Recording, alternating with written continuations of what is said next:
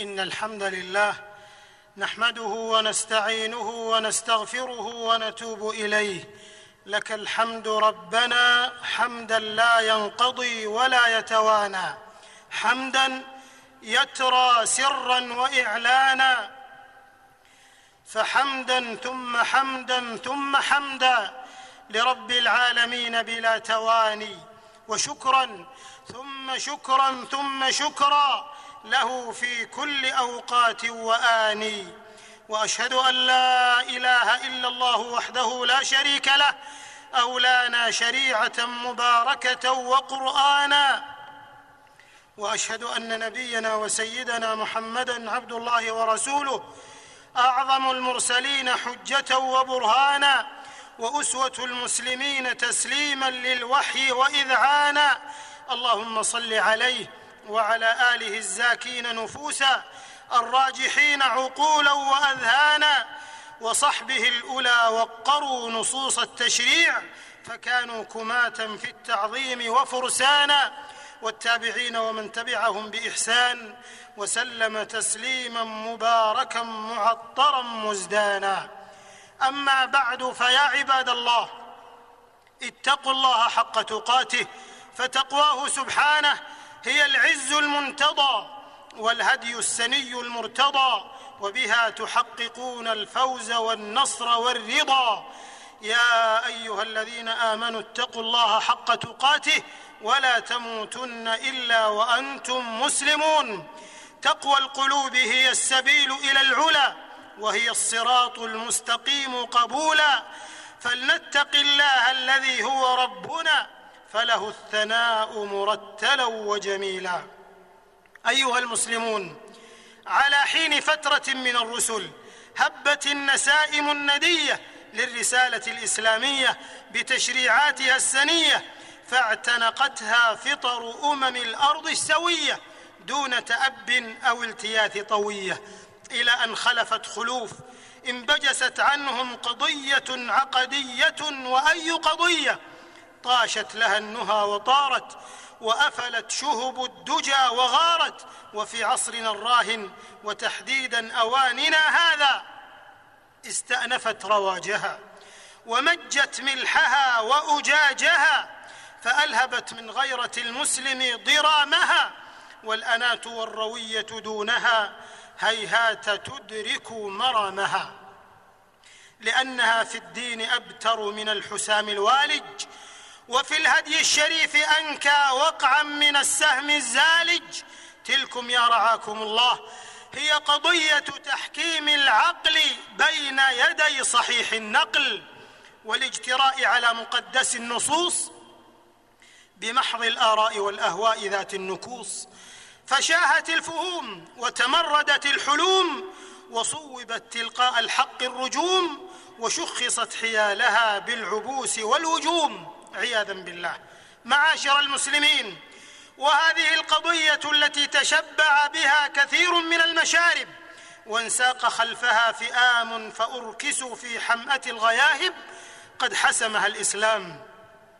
وجلاها أيما تجلية أساطينه الأفذاذ العظام. قال تبارك وتعالى يا أيها الذين آمنوا لا تقدموا بين يدي الله ورسوله فهذه الآية الكريمة أصل في استئخار العقل بين يدي نور النقل كما هي أصل عظيم في وجوب تعظيم النص الشرعي كتابا وسنة والانقياد لهما عملا وتحكيما وخضوعا وتسليما. قال الإمام ابن تيمية النحرير قولا غاية في التأصيل والتحرير. يقول رحمه الله فكان من الأصول المتفق عليها بين الصحابة والتابعين أنه لا يقبل من أحد أن يعارض القرآن برأيه ولا ذوقه ولا معقوله ولا قياسه ولا وجده. قال جل اسمه ذلك ومن يعظم شعائر الله فإنها من تقوى القلوب وما تعظيمها إلا إجلالها بالتحاكم والإذعان لها. ومن آكد تلك الشعائر الكتاب والسنة. النور والضياء في الدجنة وذلك ديدن أهل الإيمان وسمت أهل الرضوان. يقول الإمام العلامة ابن القيم رحمه الله أول مراتب تعظيم الحق عز وجل تعظيم أمره ونهيه ويكون المؤمن بحسب هذا التعظيم من الأبرار المشهود لهم بالإيمان والتصديق وصحة العقيدة والبراءة من النفاق الأكبر. ولله در الإمام الشاطبي رحمه الله في قوله المقصد الشرعي من وضع الشريعة إخراج المكلف عن داعية هواه حتى يكون عبدا لله اختيارا كما هو عبد لله اضطرارا. انتهى كلامه رحمه الله. وما إخراجه عن داعية هواه إلا للسمو به في معارج تعظيم الوحيين الشريفين ومقتضاه الامتثال للأوامر واكتسابها والانتهاء عن المناهي واجتنابها والوجل من التقديم بين يدي الرسول الكريم عليه أفضل الصلاة وأزكى التسليم. إخوة الإسلام وفي هذا العصر والأوان استقى أقوام كثيرا من المزال من مشارب أهل الزيغ والضلال فتكاءدوا قبول الأحاديث النبوية التي يردها بزعمهم الواقع المحسوس أو يمجها هوى عقلهم المنكوس أو تتعارض والطب الحديث المدروس أو تتعارض والطب الحديث المدروس وتتمانع وكرامة النفوس. لأنها بزعمهم المطموس تجمد تحرر العقل الوقاد من إشراقه وتصفد الفكر المبدع دون انطلاقه وتلك هي قاصمة الظهر ورزية الدهر حيث يمجدون العقل ويقدمونه على صحيح النقل وهي لوثة اعتزالية استشراقية ونعرة فكرية وطائفية تتمدح المنهج العقلاني في التعامل مع النصوص الشرعية وتؤولها وفق الظروف التاريخية والاجتماعية والسياسية والواقعية بما يفتح بابا لأهل الأهواء لبث سمومهم وسخف حلومهم. يقول تعالى فلا وربك لا يؤمنون حتى يحكموك فيما شجر بينهم ثم لا يجدوا في أنفسهم حرجا مما قضيت ويسلموا تسليما. تسليم الاستجابة والإخلاص والصدق والخلاص. الخلاص من نوازع الهوى ونزغات الردى. يا ليت شعري أي عقل يوزن به الكتاب والهدى والسنن؟ فكل مؤثر على النقل الهوى حل عليه غضب فقد هوى. في الأثر عن عبد الله بن مسعود رضي الله عنه قال إذا حدثتكم عن رسول الله صلى الله عليه وسلم فظنوا برسول الله صلى الله عليه وسلم الذي هو أهناه وأهداه وأتقاه. وقد وردت عن الشافعي رحمه الله إشراقة في التعظيم وومضة في إعزاز النص الكريم في قوله رحمه الله يسقط كل شيء خالف أمر النبي صلى الله عليه وسلم ولا يقوم معه رأي ولا قياس. فإن الله قطع العذر بقوله صلى الله عليه وسلم. وقال أبو الطاهر السلفي رحمه الله كل من رد ما صح من قول رسول الله صلى الله عليه وسلم ولم يتلقه بالقبول ضل وغوى إذ كان صلى الله عليه وسلم لا ينطق عن الهوى. الله أكبر. لله ما أروع هذا القول النوراني الحصيف المضمخ بتعظيم النص الشريف وجوهره المنيف. لأن قوله صلى الله عليه وسلم حق ويقين وقول سواه وإن على ظن وتخمين. ولكن ومن يك ذا فم مر مريض يجد مرا به الماء الزلالا. يقول شيخ الإسلام رحمه الله وسائر المسلمين متفقون على أن ما جاء به الرسول صلى الله عليه وسلم لا تدركه كل الناس بعقولهم ولو أدركوه بعقولهم لاستغنوا عن الرسول صلى الله عليه وسلم. انتهى كلامه رحمه الله. لأن الحق تبارك وتعالى جعل للعقول وإدراكها حدا تنتهي إليه. في الاستنباط لا تتعداه وتعجز عنده ولا تتحداه وهذا ليس إلغاء للعقل ودلالته كلا بل العقل الصريح شرط في معرفة العلوم وكمال الأعمال وصلاحها وهو أحد الكليات الخمس التي جاء الشرع بحفظها ورعايتها كما أن الاستدلال به ليس مطلقا بل بضوابط منهجية وقواعد مرعية تضبط مساره وتحد جنوحه وانحداره لئلا يتقحم أسوار الدين. رويبضة العقلانيين. فيتشدق بسواد بيانه وإفكه وبهتانه. هوايا نصوص والغرام نقول هيهات يخلف المنقول معقول والقاعدة الذهبية موافقة صحيح المنقول لصريح المعقول.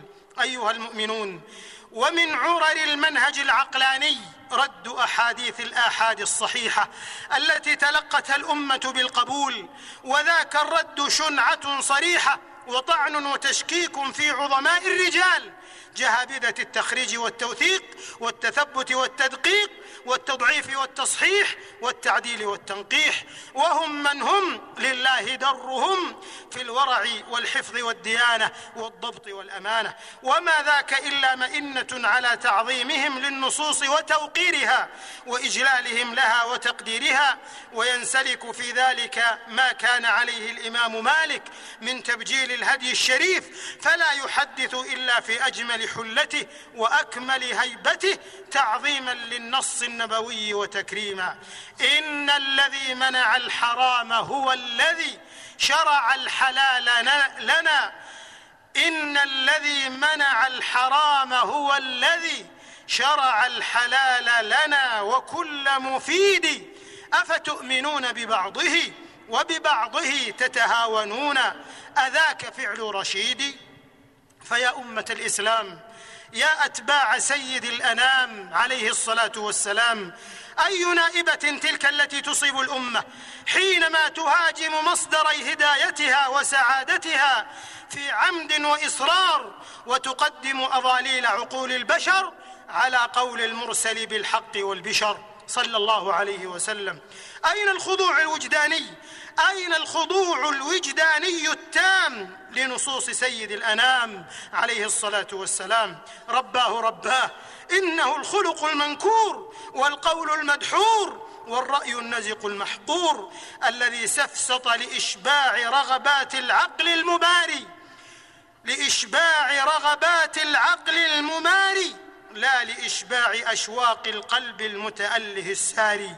وويم الحق إن من جنف بإيمانه دون التعظيم والإذعان والتسليم والامتنان لمقدس النصوص فقد باء بالخور والنصب وتردى من شاهق في الهلكة والعطب والجناية والتب وسوء المنقلب فعلى الأمة جمعاء شد ركابها صوب هذه الفاقرة الخطيرة فاقرة التعقل حيال النصوص لصد زخارها. لصد زخارها وأتيها ودحر عتيها وأبيها نصرة لدين الله وحفظا لشرع الله وذبا عن سنة الحبيب رسول الله صلى الله عليه وسلم. أعوذ بالله من الشيطان الرجيم. إن الذين يحادون الله ورسوله أولئك في الأذلين. وما كان لمؤمن ولا مؤمنة إذا قضى الله ورسوله أمرا أن يكون لهم الخيرة من أمرهم. ومن يعص الله ورسوله فقد ضل ضلالا مبينا. إن أريد إلا الإصلاح ما استطعت وما توفيقي إلا بالله عليه توكلت وإليه أنيب. بارك الله لي ولكم في نصوص الوحيين ونفعنا وإياكم بسنة سيد الثقلين وعصمنا من الخلف عنها والنكوص والبين. أقول قولي هذا وأستغفر الله العظيم الجليل لي ولكم ولسائر المسلمين من كل خطيئة وإثم فاستغفروه وتوبوا إليه إنه هو الغفور الرحيم. الحمد لله تقدس عظمة وعلوا وجلالا. وأشهد أن لا إله إلا الله وحده لا شريك له شهادة تعنو لها القلوب خضوعا وامتثالا. وأشهد أن نبينا محمدا عبد الله ورسوله صلى الله عليه وعلى آله وصحبه الذائدين عن حمى النصوص أقوالا وأفعالا. والتابعين ومن تبعهم بإحسان إلى يوم الدين. أما بعد فيا عباد الله اتقوا الله في تعظيم النصوص وجملوا به إيمانكم على وجه العموم والخصوص يكن شأنكم في قوة صفا كالبنيان المرصوص. أيها الإخوة الأحبة في الله لا مراء أن الإسلام كان ولا يزال جليا في نصوصه مبهرا في قواعده وأحكامه. ومن عمي عليه منه شيء فلأجل رغباته وأهوائه التي صدته دون الحق وصفائه ونور الهدى وضيائه وإن الذين يتقدمون بعقولهم الضحلة وآرائهم المحلة بين يدي تنزيل رب العالمين. وهدي سيد المرسلين قد جنحوا عن أهم مبادئ الإسلام وحقائقه وأعظم معالمه ودقائقه ألا وهي الاستسلام والإذعان لشرعة الملك الديان. ومما زاد الطين بله والداء علة ما تتقاذفه وسائل التواصل الاجتماعي والتقانات من تطاول على الثوابت والنقليات والغيبيات والإغراق في الماديات والعقليات وعليه يا أمة الإسلام. لا بد أن تربى الأجيال والمجتمعات على تعظيم النصوص قولا واعتقادا وعملا وانقيادا علميا وخلقيا واجتماعيا لأنه ملاك الحفاظ على الهوية الإسلامية والحصن المكين. دون تسلل لصوص النصوص ذوي الأفكار السلولية شطر ديار المسلمين الأبية وبذلك تعز الأمة وترقى وتبلغ من المجد أسمى مرقى.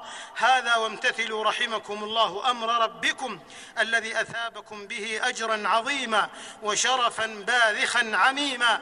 فقال تعالى قولا كريما إن الله وملائكته يصلون على النبي.